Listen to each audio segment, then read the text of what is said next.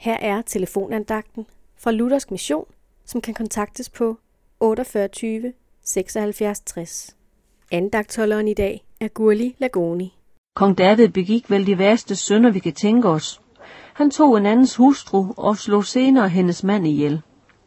Da det går op for David, hvor forfærdeligt han har handlet, beder han blandt andet den bøn, jeg om lidt vil læse noget af. Den bøn må også give dig og mig frimodighed til at komme til Gud med al vores synd, uanset hvad det er, vil han tilgive os. Aldrig vil han afvise os, og han vil give fred og glæde i sindet. Jeg læser fra salme 51. Gud, vær mig nådig i din godhed. Udslet mine overtrædelser i din store barmhjertighed. Vask mig fuldstændig ren for skyld, rens mig for synd. For jeg kender mine overtrædelser, og min synd har jeg altid for øje.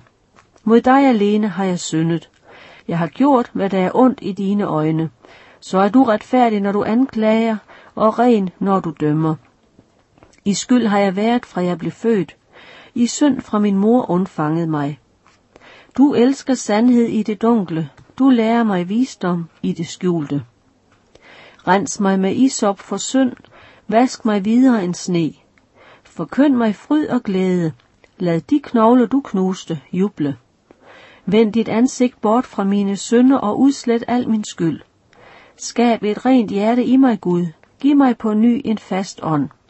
Kast mig ikke bort fra dig, og tag ikke din hellige ånd fra mig. Lad mig atter frydes over din frelse. Styrk mig med en villig ånd. En sønderbrudt ånd, et sønderbrudt og sønderknust hjerte afviser du ikke, Gud. Amen.